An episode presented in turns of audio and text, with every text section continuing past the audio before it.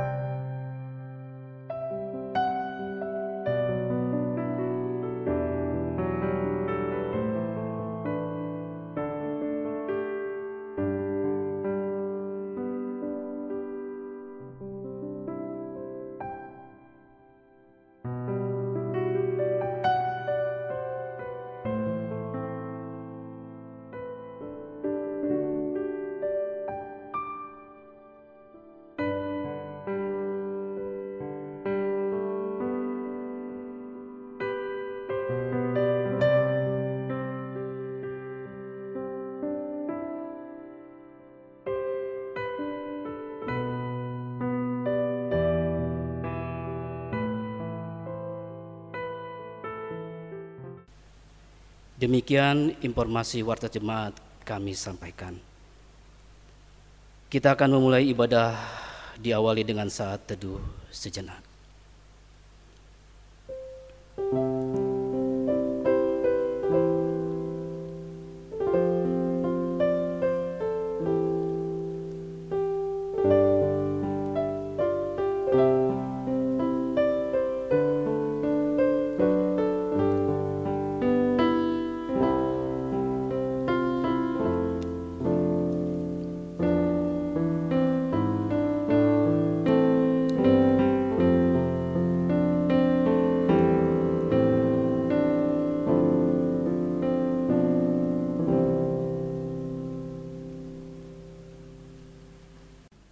Jemaat kami undang bangkit berdiri.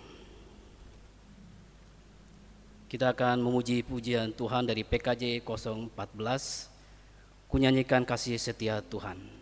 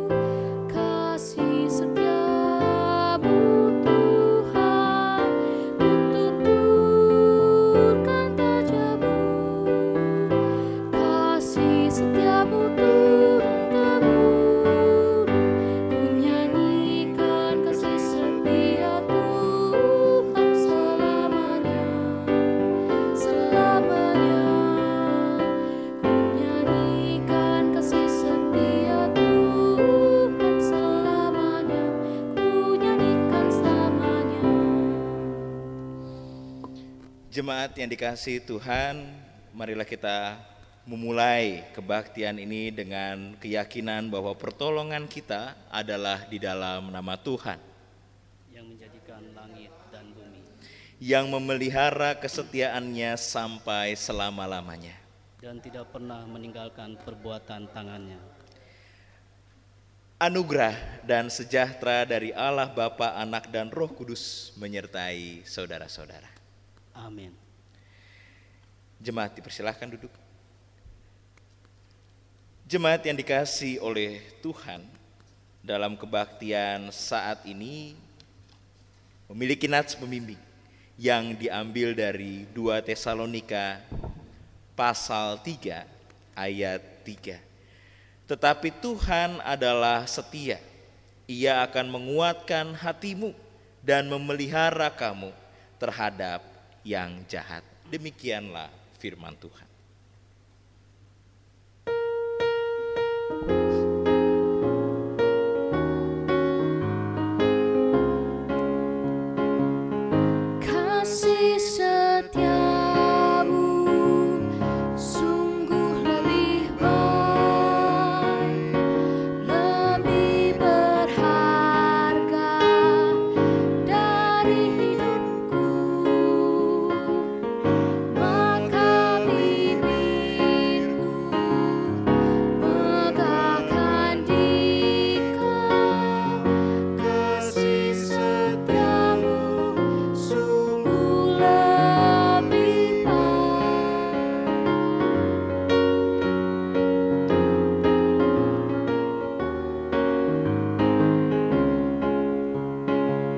So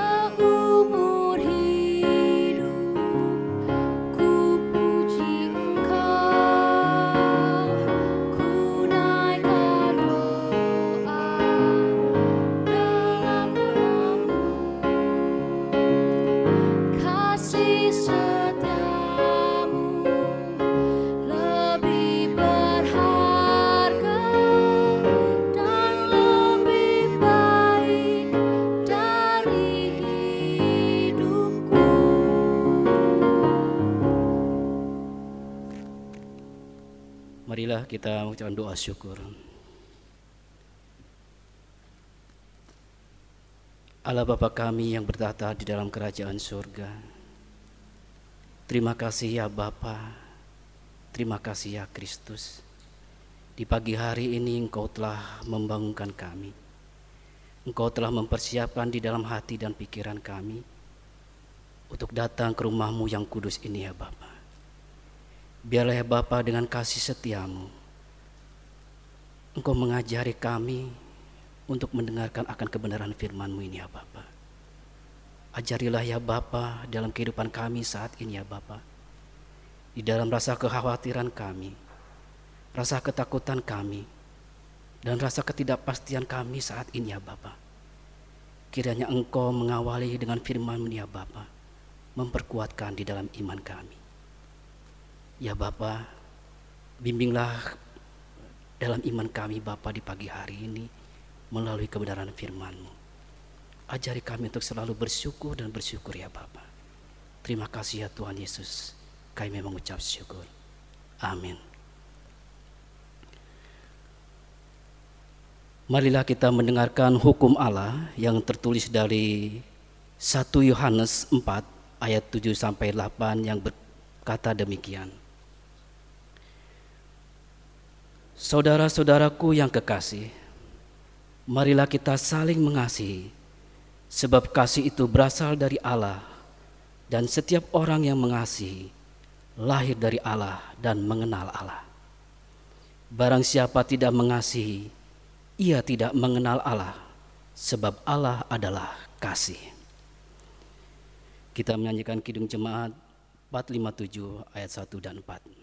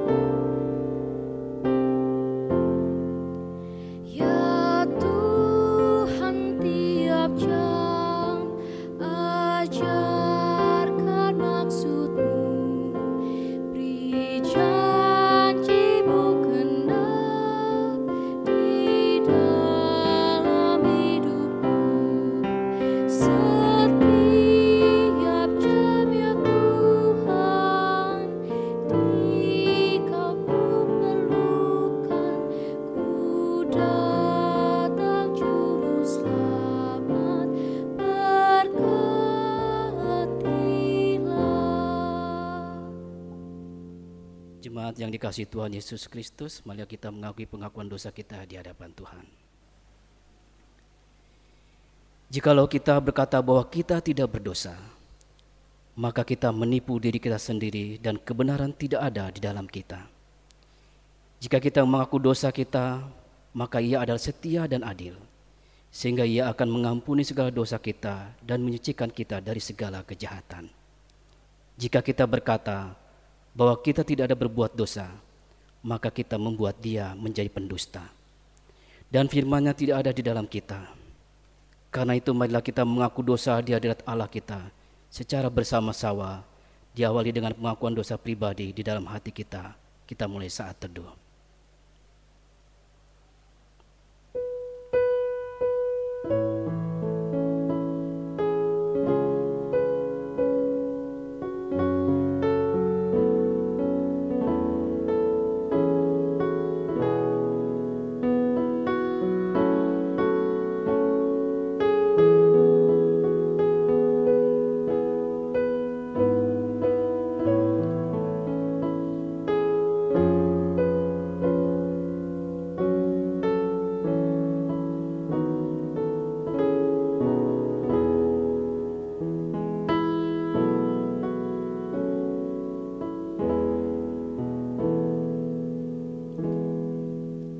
Kita ucapkan secara bersama-sama. Ya Tuhan, kami telah berbuat dosa terhadap-Mu. Kami telah berdosa terhadap sesama kami dalam pikiran, perkataan, dan perbuatan. Telah banyak kami menyimpang dari jalan-Mu yang benar. Ampunilah dosa kami ya Tuhan. Kasihanilah kami ya Tuhan. Kasihanilah kami ya Kristus. Kasihanilah kami ya Tuhan. Amin. Kita menyanyikan PKJ 166.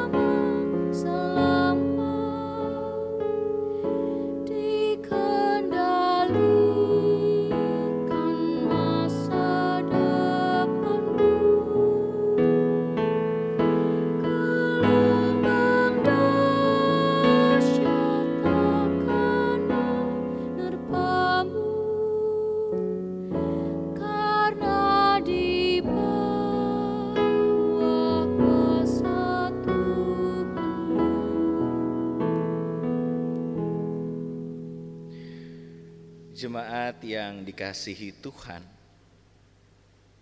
dengarlah firman Tuhan yang berkenan mengampuni dosa kita. Yang diambil dari Mika pasal 7 ayat 18 sampai 19. Siapakah Allah seperti engkau yang mengampuni dosa dan yang memaafkan pelanggaran dari sisa-sisa miliknya sendiri yang tidak bertahan dalam murkanya untuk seterusnya, melainkan berkenan kepada kasih setia. Biarlah ia kembali menyayangi kita, menghapuskan kesalahan-kesalahan kita, dan melemparkan segala dosa kita ke dalam tubir-tubir laut.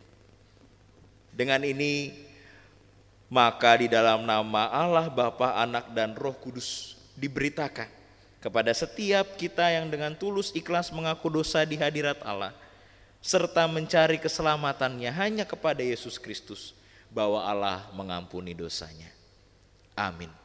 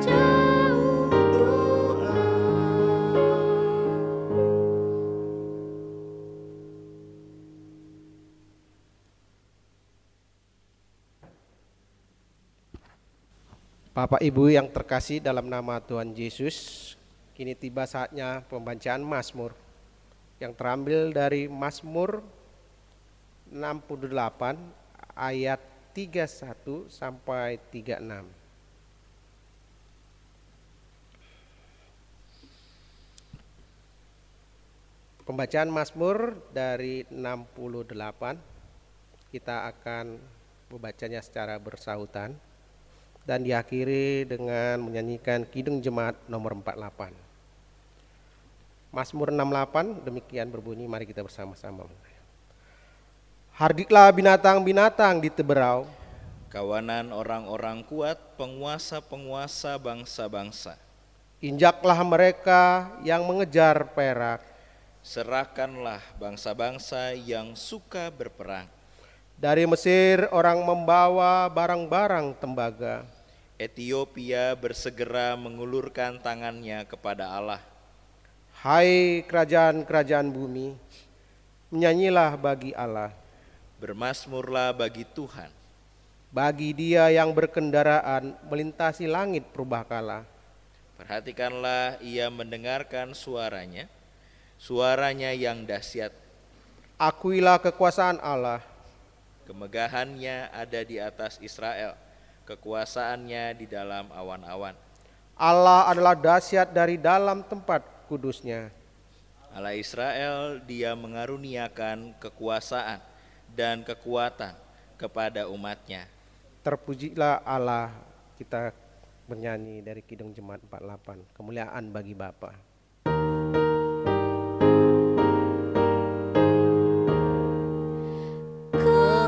Kemuliaan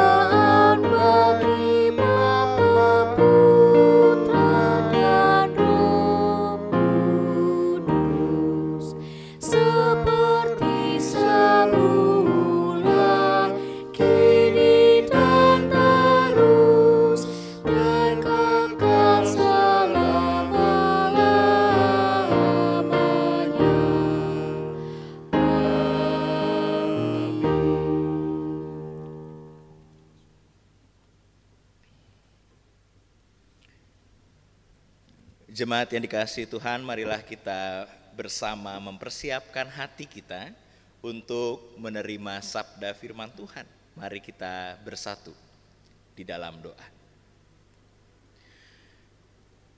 Ya Tuhan, di dalam segala keberadaan kami, kami belajar untuk tetap mensyukurinya dan tetap untuk berupaya mengalami Tuhan secara pribadi. Sehingga dalam setiap tantangan, cobaan, atau bahkan kesengsaraan, kami pun tetap percaya bahwa Tuhan tidak pernah jauh dari kami dan Engkau ya Tuhan yang peduli terhadap keadaan kami. Sehingga di dalam iman kami terus-menerus untuk tetap yakin.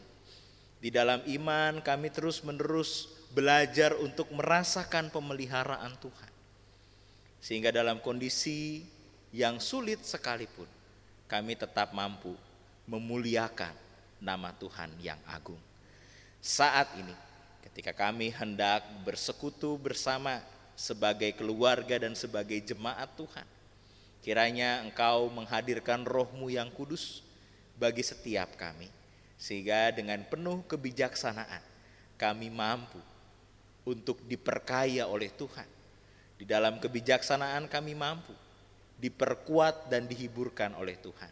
Sehingga makna firman yang hendak diperdengarkan menjadi sumber kekuatan baru bagi kami. Demikian bagi hambamu yang penuh dengan keterbatasan ini. Pakailah ia sesuai dengan apa yang kau mau Tuhan.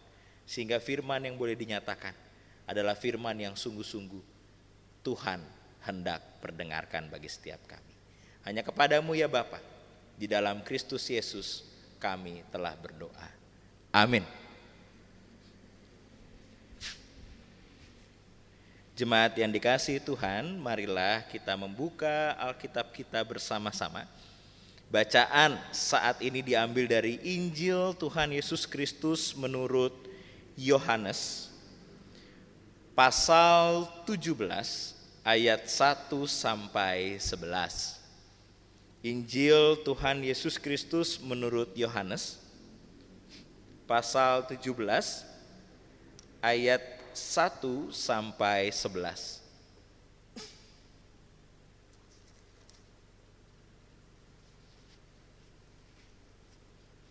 Lembaga Alkitab Indonesia memberikan judul Doa Yesus untuk murid-muridnya. Demikianlah kata Yesus. Lalu ia menengadah ke langit dan berkata, Bapa, telah tiba saatnya, permuliakanlah anakmu, supaya anakmu mempermuliakan engkau. sama seperti engkau telah memberikan kepadanya kuasa atas segala yang hidup, demikian pula ia akan memberikan hidup yang kekal kepada semua yang telah engkau berikan kepadanya.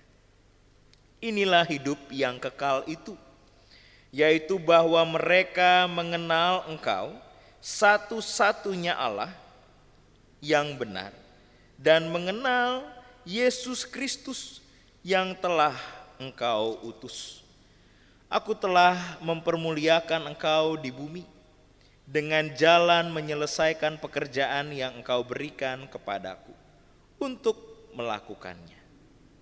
Oleh sebab itu, ya Bapa, permuliakanlah aku padamu sendiri dengan kemuliaan yang kumiliki di hadiratmu sebelum dunia ada. Aku telah menyatakan namamu kepada semua orang yang engkau berikan kepadaku dari dunia. Mereka itu milikmu dan engkau telah memberikan mereka kepadaku dan mereka telah menuruti firman. Sekarang mereka tahu bahwa semua yang engkau berikan kepadaku itu berasal daripadamu. Sebab segala firman yang engkau sampaikan kepadaku telah kusampaikan kepada mereka dan mereka telah menerimanya. Mereka tahu benar-benar bahwa aku datang daripadamu dan mereka percaya bahwa engkaulah yang telah mengutus aku. Aku berdoa untuk mereka. Bukan untuk dunia aku berdoa, tetapi untuk mereka yang telah engkau berikan kepadaku. Sebab mereka adalah milikmu, dan segala milikku adalah milikmu, dan milikmu adalah milikku. Dan aku telah dipermuliakan di dalam mereka. Dan aku tidak ada lagi di dalam dunia, tetapi mereka masih ada di dalam dunia. Dan aku datang kepadamu, ya Bapa yang kudus, peliharalah mereka dalam namamu yaitu namamu yang telah engkau berikan kepadaku, supaya mereka menjadi satu sama seperti kita. Demikian pembacaan firman Tuhan. Yang berbahagia adalah setiap orang yang membaca firman Tuhan ini dan juga melakukan di dalam hidupnya. Haleluya.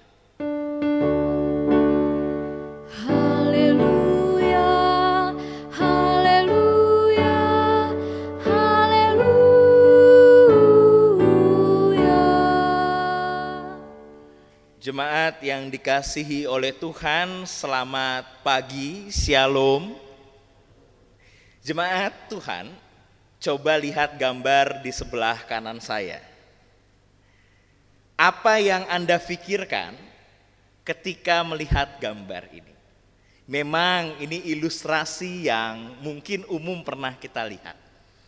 Tetapi kok saya memaknai ilustrasi ini agak berbeda.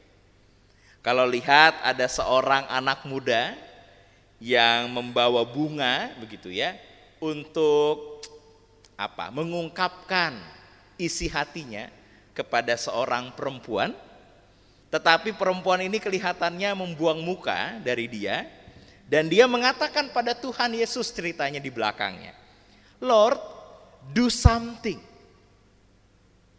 Berarti secara nggak langsung dia menuntut agar Tuhan melakukan sesuatu yang sesuai dengan keinginannya.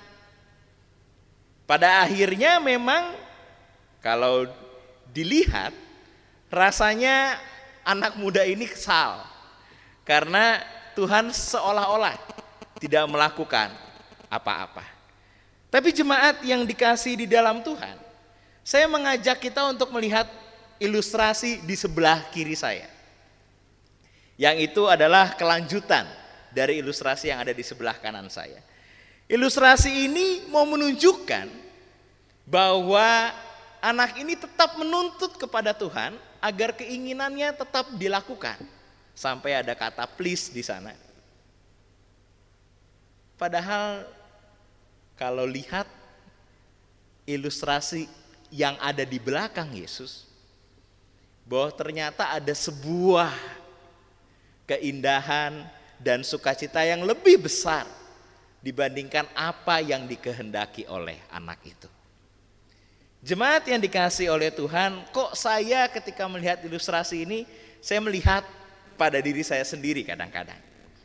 Kita itu, atau saya deh, sering kali memaksakan kehendak diri sendiri untuk sesuai dengan apa yang saya mau, dan saya menuntut Tuhan untuk melakukannya seperti apa yang saya mau. Jikalau itu tidak terjadi, ya saya mungkin kecewa atau bahkan bisa marah dengan Tuhan. Padahal lupa bahwa memang apa yang Tuhan rancangkan jauh lebih indah dan jauh lebih baik dari apa yang kita inginkan. Bahkan yang Tuhan harapkan adalah hanya sebatas cinta dari kita padanya dan kesetiaan kita untuk mau hidup di dalam Tuhan.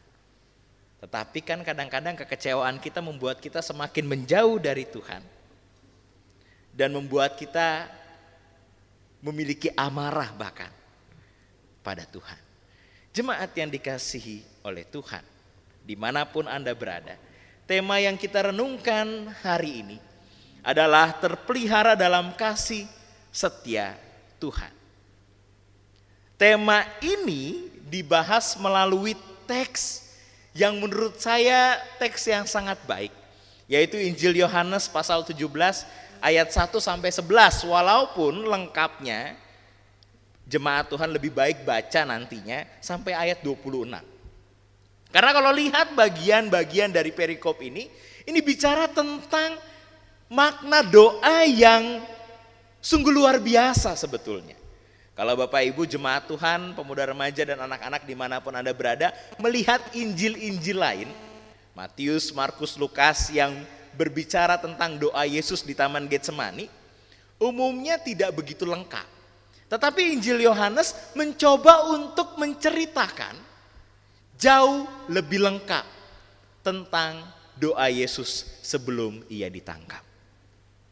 Oleh karena itu beberapa penafsir mengatakan remarkable prayer. Doa yang sungguh luar biasa. The Lord's Prayer. Jadi Lord's Prayer bukan hanya soal sekedar doa Bapa kami, tetapi doa ini juga menurut beberapa penafsir dikatakan sebagai the Lord's Prayer. Bicara tentang apa? Bicara tentang jati diri Yesus. Siapa dia sebenarnya? Lalu yang kedua bicara tentang para murid dan yang ketiga bicara tentang seluruh orang yang percaya pada Yesus. Sehingga kalau jemaat Tuhan lihat ayat 1 sampai 5 itu bicara tentang Yesus yang berdoa.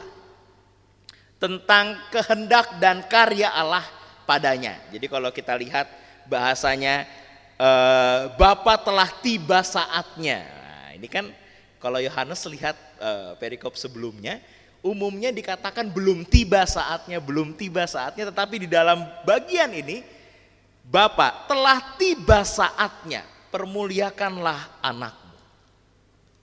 Jadi bicara tentang saatnya telah tiba bahwa karya Allah harus dinyatakan dan harus terjadi melalui pengorbanan Yesus Kristus. Lalu ketika lihat dari teks ini muncul juga bahwa Yesus telah ada jauh sebelum dunia dan manusia diciptakan. Kalau lihat ya, ayat 5 itu kan dinyatakan, aku padamu sendiri dengan kemuliaan yang kumiliki di hadiratmu sebelum dunia ada.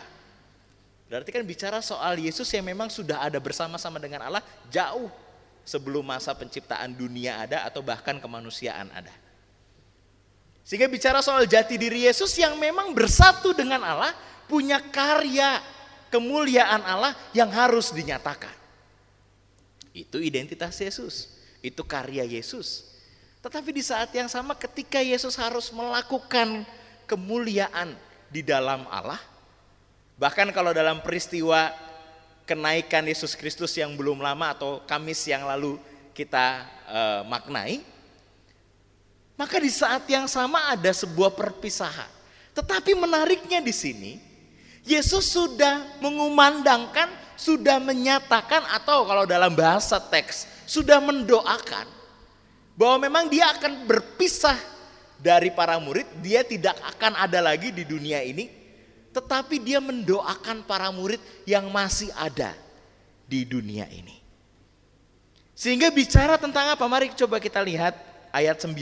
Aku berdoa untuk mereka, bukan untuk dunia aku berdoa, tetapi untuk mereka yang telah engkau berikan kepadaku sebab mereka adalah milikmu.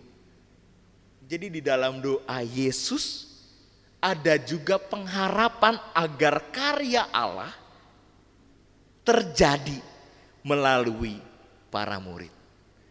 Sehingga Yesus pun mendoakan agar para murid memperoleh pemeliharaan dan karya Allah itu sehingga mengalami kebersatuan. Mari kita lihat ayat 11. Aku tidak ada lagi di dalam dunia. Yesus sudah mengatakannya jauh sebelum peristiwa kenaikan. Tetapi mereka masih ada di dalam dunia. Dan aku datang kepadamu, ya Bapa yang kudus, peliharalah mereka dalam namamu, yaitu namamu yang telah engkau berikan kepadaku, supaya mereka menjadi satu sama seperti kita. Jadi di dalam doa ini para murid tidak dilupakan. Para murid juga didoakan untuk karya-karyanya di dunia agar merasakan kebersatuan bersama dengan Yesus dan Allah. Bukankah doa ini menjadi doa yang begitu memorable juga? Bermakna dalam tak terlupakan. Sehingga di dalam ayat 6 bahkan sampai ayat 19 kalau mau dilihat nanti itu bicara tentang bagaimana para murid perlu untuk memperoleh berkat dan pemeliharaan Allah. Lalu bagaimana dengan kita, manusia yang percaya pada Tuhan? Tuhan pun mendoakannya.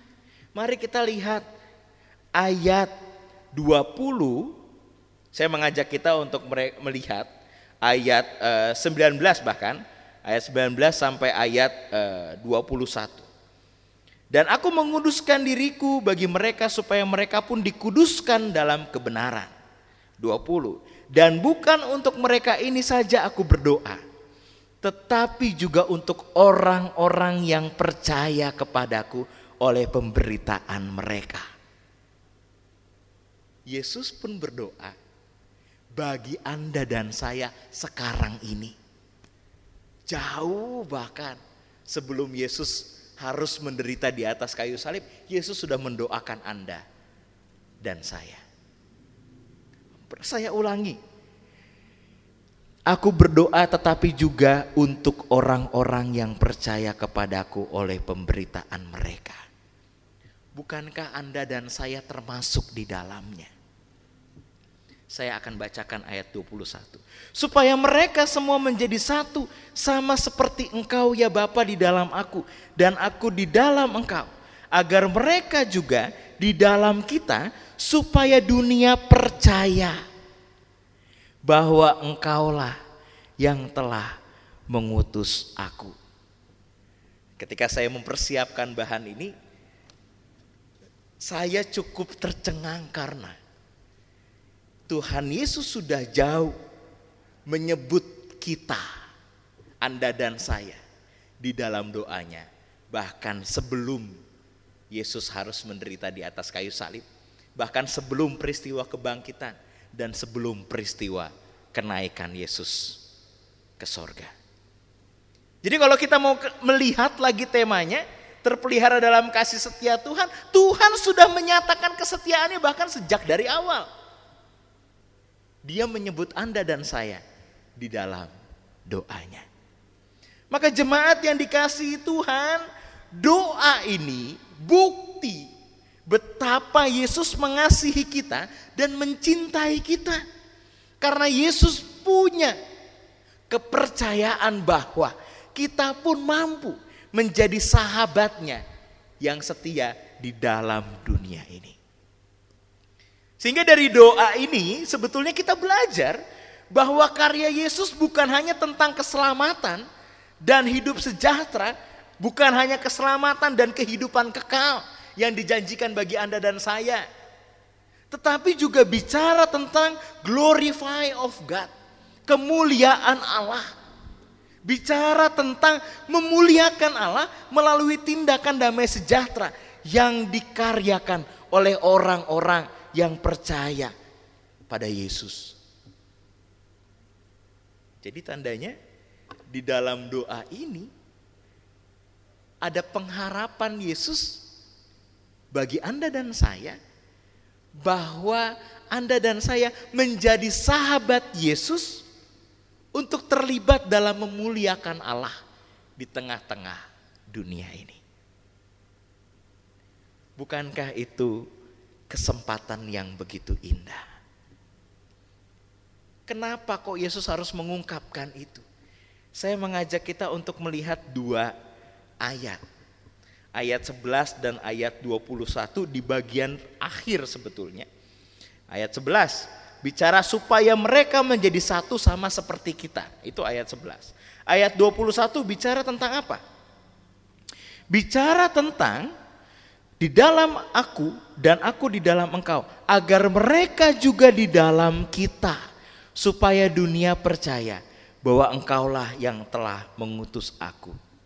Bahkan di bagian awal ayat 21 supaya mereka semua menjadi satu Bukankah ini makna dari doa Yesus yang menyebut Anda dan saya? Kita menjadi satu bersama dengan Allah di dalam Yesus untuk makna dan tujuan yang terindah, yaitu glorify of God, terlibat dalam kemuliaan Allah di tengah-tengah dunia ini. Sehingga dari doa Yesus ini kita pun belajar. Dari doa Yesus bukan hanya soal berkat bagi para murid. Atau hanya bagi perempuan-perempuan yang dekat Yesus. Atau bagi orang-orang yang menyaksikan karya Yesus. Atau orang-orang yang hidup bersama dengan Yesus. Atau bahkan untuk orang-orang yang konflik dengan Yesus. Bukan hanya untuk mereka. Tetapi bagi semua orang yang percaya pada Yesus dengan segala karakternya, dengan segala coraknya, dengan segala ciri khasnya, dengan segala keberagamannya. Bahkan dengan segala keberdosaannya dan dengan segala pertobatannya. Semua yang percaya pada Yesus, semua orang itu didoakan oleh Yesus. Semua orang itu dipercayakan Yesus akan karya yang indah. Jadi kalau kita mau bahas tentang kasih setia Tuhan, kalau saya boleh mengatakan, kasih setia Tuhan itu bukan soal nanti atau soal sekarang. Kasih setia Tuhan itu sudah sejak dari awal nampak bagi Anda dan saya. Jadi bisa dikatakan bahwa dari awal Yesus mengingat kita. Dari awal Yesus memberkati kita jadi kalau bicara tentang terpelihara dalam kasih setia Tuhan bukan soal sekarang dan nanti sebetulnya. Tetapi juga pembuktian bahwa sejak awal karya Yesus di tengah-tengah dunia, Anda dan saya disebut di dalam doanya. Bukankah itu suatu keindahan yang bisa dikabarkan? Tetapi kalau sudah mendengar kabar itu, mendengar kabar bahwa ia pun berdoa juga untuk orang-orang yang percaya kepadanya. Rasanya menjadi egois kalau kita yang didoakan hanya diam saja dan meminta bahkan menuntut Tuhan saja. Menjadi egois kalau kita yang menjadi sahabat Tuhan hanya memohon kesetiaan sang sahabat. Tidak berani untuk melakukan kesetiaan juga terhadap sahabat yang sudah mendoakan kita. Bukankah kalau berbicara tentang terpelihara, maka relasi yang sudah baik antara Yesus dan kita sejak dari awal mula perlu kita respon dengan kasih dan kebaikan juga. Sehingga makna glorify of God memuliakan Allah, mengabarkan kemuliaan Allah, itu bukan hanya menjadi karya yang kita nikmati, karya yang kita agung-agungkan bagi keindahan pikiran kita dan iman kita. Bukan hanya sebuah kabar sukacita bagi kegembiraan iman, tetapi menjadi ajakan bagi Anda dan saya untuk terlibat bersama di dalamnya. Sehingga kalau bicara tentang terpelihara dalam kasih setia Tuhan, maka rasanya kita perlu belajar untuk menjadi sahabat yang baik. Bukan menjadi sahabat yang egois, yang meminta kesetiaan sang sahabat itu, tetapi tidak berani untuk menunjukkan kesetiaannya juga. Tetapi menjadi sahabat yang solid, yang saling memberi diri, yang saling percaya untuk terlibat bersama dalam karya agung Allah. Berarti di dalam peristiwa doa Yesus ini kita diajak untuk terlibat dalam memuliakan Allah di dalam kehidupan kita. Sehingga ketika bicara tentang glorify of God menjadi tugas kita juga untuk punya pemahaman dan kesadaran bahwa kita dipersatukan dengan Allah dan Yesus. Sehingga dipersatukan dengan Allah bukan hanya sekedar mengalami berkat, bersyukur atas kasih Allah, tetapi juga ikut terlibat dalam menghadirkan berkat bagi dunia agar semakin banyak orang percaya pada Kristus. Jadi di dalam doa Yesus ini ada sebuah transformasi. Yesus berdoa bagi para murid, Yesus berdoa bagi orang-orang yang percaya pada Yesus oleh karena pemberitaan para murid, tetapi kita yang percaya pun juga menjadi murid Yesus dan memberitakan kabar baik tentang Yesus. Dan itu berulang terus, berulang terus. Orang yang percaya pada Yesus tidak berhenti hanya sebagai orang yang percaya. Tapi dia juga menjadi murid Yesus yang perlu mengabarkan tentang Yesus. Sehingga semakin banyak orang percaya. Dan orang yang percaya itu mengalami berkat Tuhan juga. Sehingga jemaat yang dikasih oleh Tuhan, ketika kita mendiskusikan, membicarakan, terpelihara dalam kasih setia Tuhan, berarti kita juga diajak untuk terlibat memperluas pemeliharaan kasih setia Tuhan itu bagi dunia ini. Dunia Anda dan saya adalah dunia yang sama-sama punya persoalan sekarang ini. Jadi kalau bicara soal COVID-19, bicara soal krisis ekonomi bukan hanya cuman bahasan Indonesia. Itu menjadi bahasan internasional.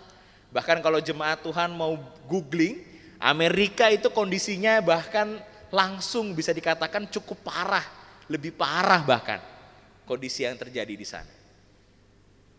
Berarti kan bukan hanya soal konsumsi Indonesia, tapi itu persoalan dunia.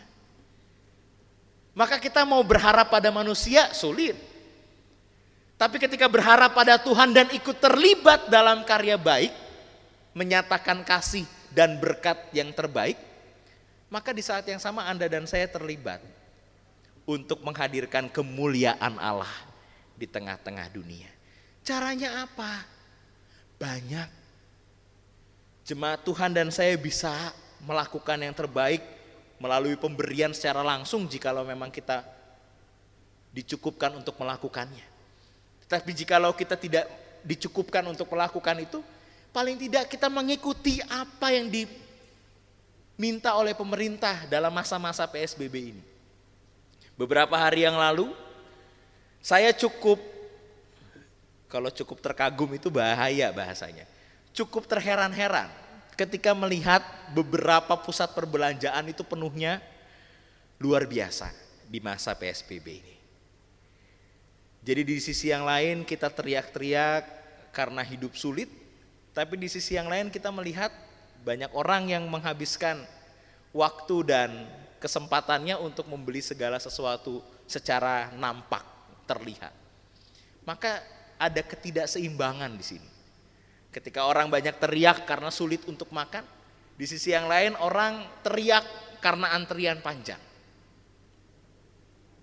Bukankah ini jadi persoalan sebetulnya? Ketika kita tidak mampu belajar prihatin untuk berbagi bersama.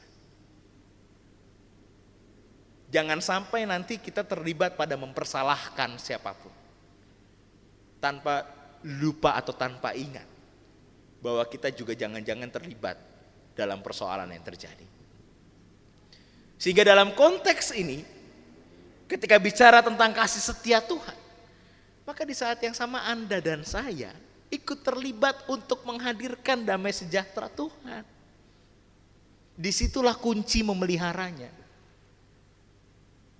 Sehingga Anda dan saya tidak terlibat begitu besar pada keluhan-keluhan yang berlebihan. Tetapi belajar untuk memfokuskan diri pada Tuhan. Ikut terlibat dalam menghadirkan damai sejahtera. Maka di situlah damai sejahtera Tuhan juga hadir bagi kita. Karena ingat, kasih pemeliharaan Tuhan itu bukan hanya soal hari ini dan soal nanti. Tapi dari doa ini, sudah sejak awal mula, bahkan dalam masa-masa karya kemuliaan Yesus di atas kayu salib, karya kebangkitannya bagi setiap orang yang percaya, dan bahkan peristiwa kenaikan sudah jauh sebelum itu. Yesus mendoakan Anda dan saya, karena Dia percaya Anda dan saya menjadi sahabat yang setia untuk terlibat dalam damai sejahtera Tuhan. Kiranya setiap kita sungguh-sungguh menjadi sahabat Tuhan itu dalam kehidupan kita. Tuhan Yesus memberkati. Amin.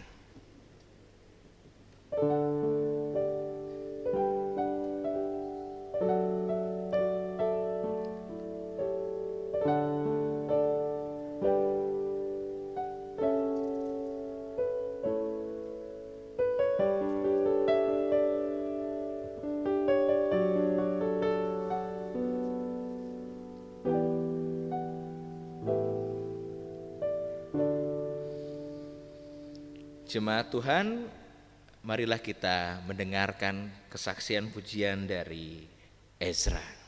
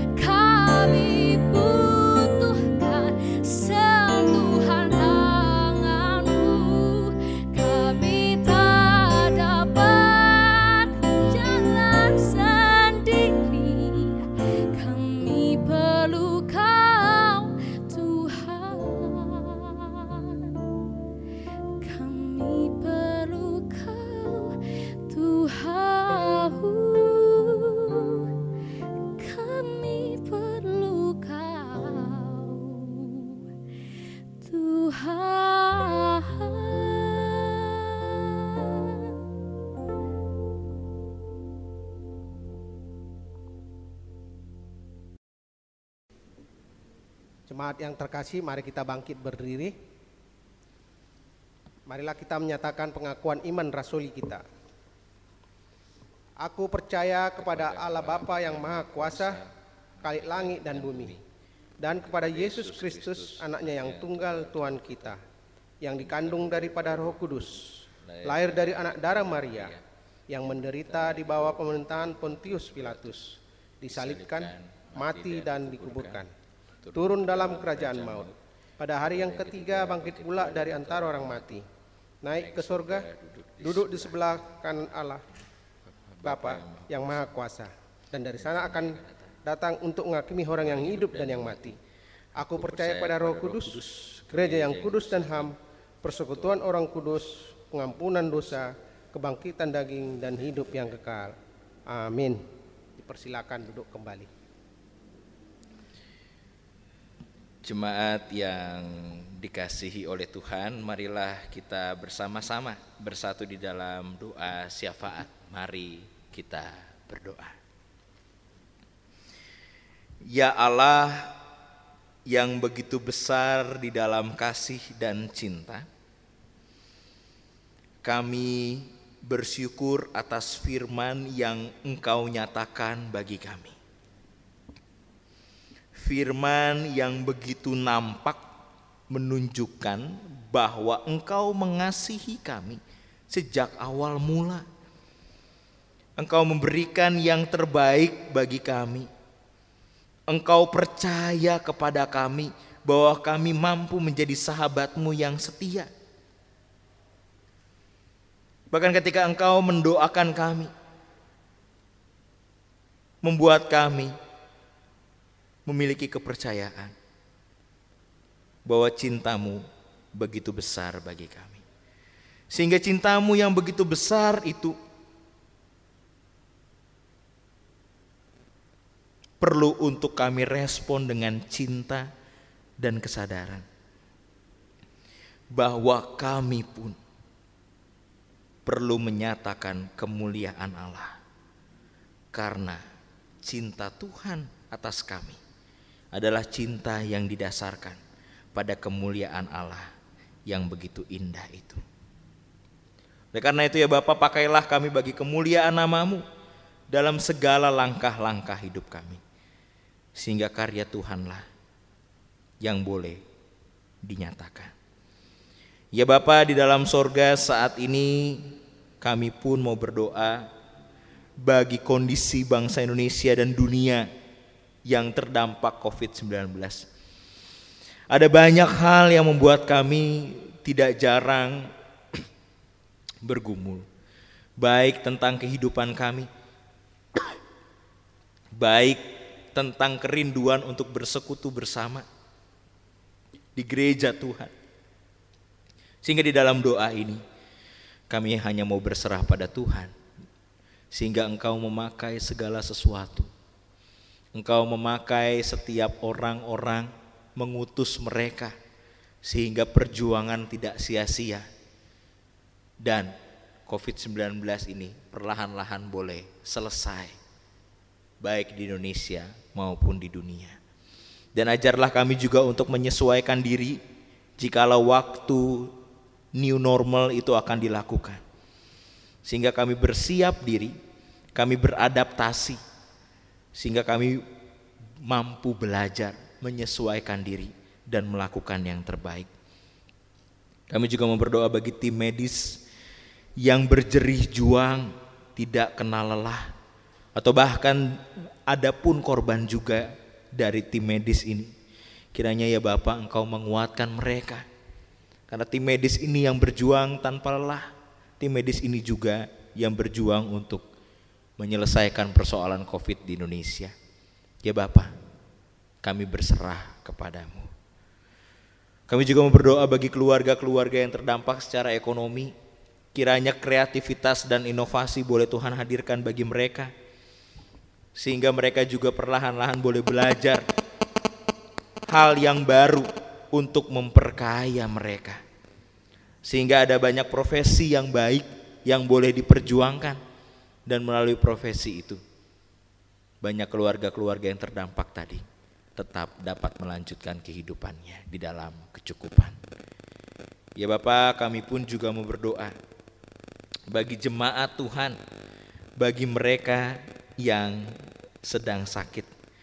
Sehingga bagi mereka masing-masing boleh Tuhan pulihkan.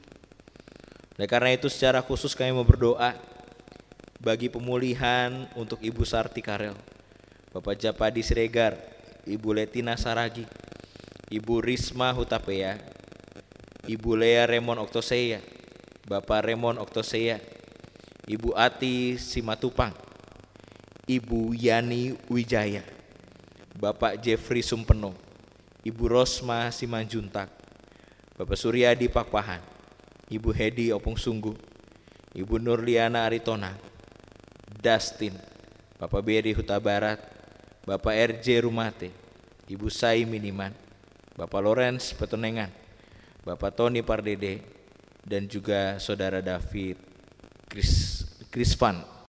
Kami pun turut berdoa bagi Pak Simon Damanik dalam masa-masa pemulihannya.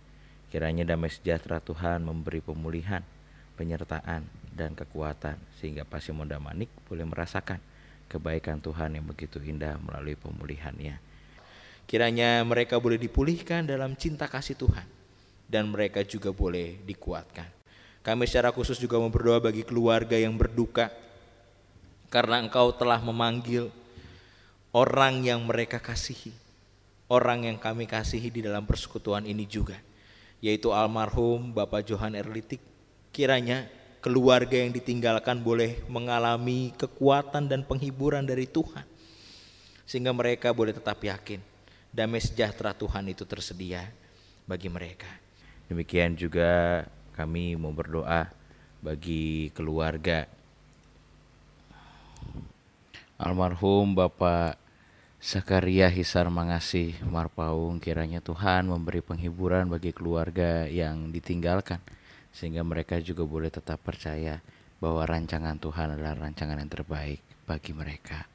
Ya Bapak kami juga mau berdoa bagi jemaatmu yang berulang tahun agar kiranya mereka boleh mengalami kekuatan dari Tuhan untuk bisa tetap menjalankan kehidupan sebagai sahabat Tuhan yang terlibat dalam memuliakan nama Tuhan. Ya Bapak kami juga mau berdoa bagi peduli kasih COVID-19 yang diselenggarakan oleh GKP Bekasi. Sudah beberapa gelombang yang dijalankan.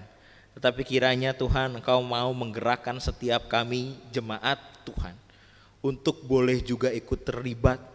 Karena kami sadar persoalan COVID ini bukan persoalan mudah sehingga kami pun terdorong untuk tetap terus mau terlibat menolong jemaat-jemaat kami yang terdampak begitu besar. Kiranya engkau boleh memakai kami juga untuk menyatakan kasih Tuhan di dalam persekutuan ini.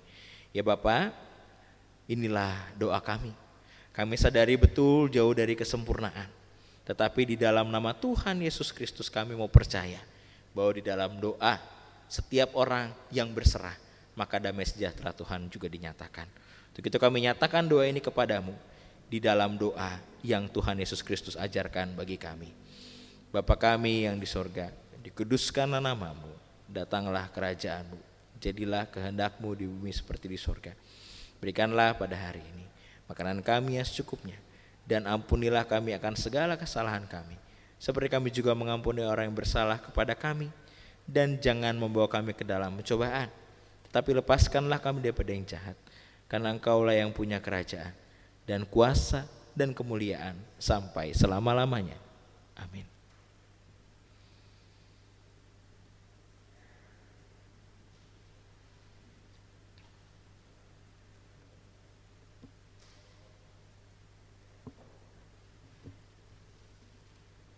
Bapak Ibu yang terkasih, kini kita masuk ke persembahan. Sebelum ke persembahan, kita persembahan dapat ditransfer ke rekening yang telah tersedia, baik itu diakonia, pembangunan dan kas jemaat. Kiranya jemaat dapat memakluminya. Dan sebelum mendengarkan, kita akan mendengarkan pembacaan firman sebelum persembahan didarkan, kita membacakan firman dari Mazmur 96 ayat 8 yang berbunyi demikian. Berilah kepada Tuhan kemuliaan namanya, bawalah persembahan dan masuklah ke pelatarannya. Sambil kantong persembahan didarkan, kita bernyanyi.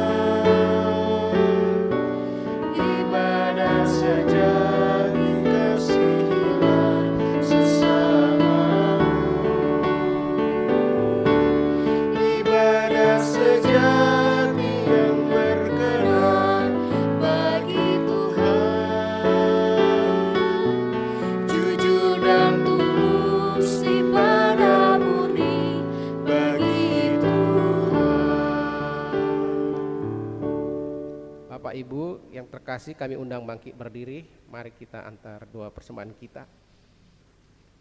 Tuhan Allah Bapa kami yang kami sembah dalam nama Tuhan Yesus Kristus. Kami mengucapkan syukur dan terima kasih atas segala penyertaan Tuhan kepada kami dalam kehidupan kami sepanjang hari ini. Kami sangat merasakan penyertaan Tuhan kepada kami dalam segala aktivitas kami yang kami lakukan pada hari ini. Tuhan berkatilah kami satu persatu sehingga kami mengerti apa yang telah kami dengarkan firman Tuhan. Terlebih juga hambamu dalam pemberitaan firman yang dibawakan oleh Bapak Pendeta Duta Brahmana. Kiranya Tuhan urapi dalam kehidupannya. Ya Tuhan Yesus Kristus, kami juga datang memberikan persembahan kami. Berkatilah sehingga berkenan di hadapanmu ya Tuhan. Ya Bapa kami di surga, ampunlah dosa-dosa kami sehingga kami berkenan dan layak di hadapanmu. Dalam anakmu Tuhan kami Yesus Kristus kami berdoa. Amin.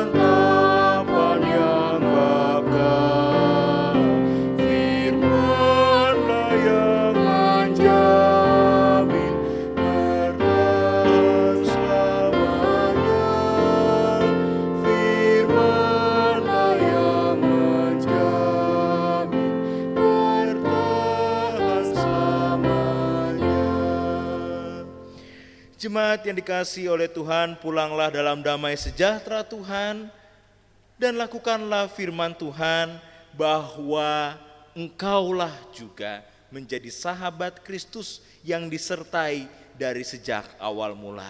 Untuk itu, maka sekarang arahkanlah hatimu pada Tuhan dan terimalah berkat Tuhan.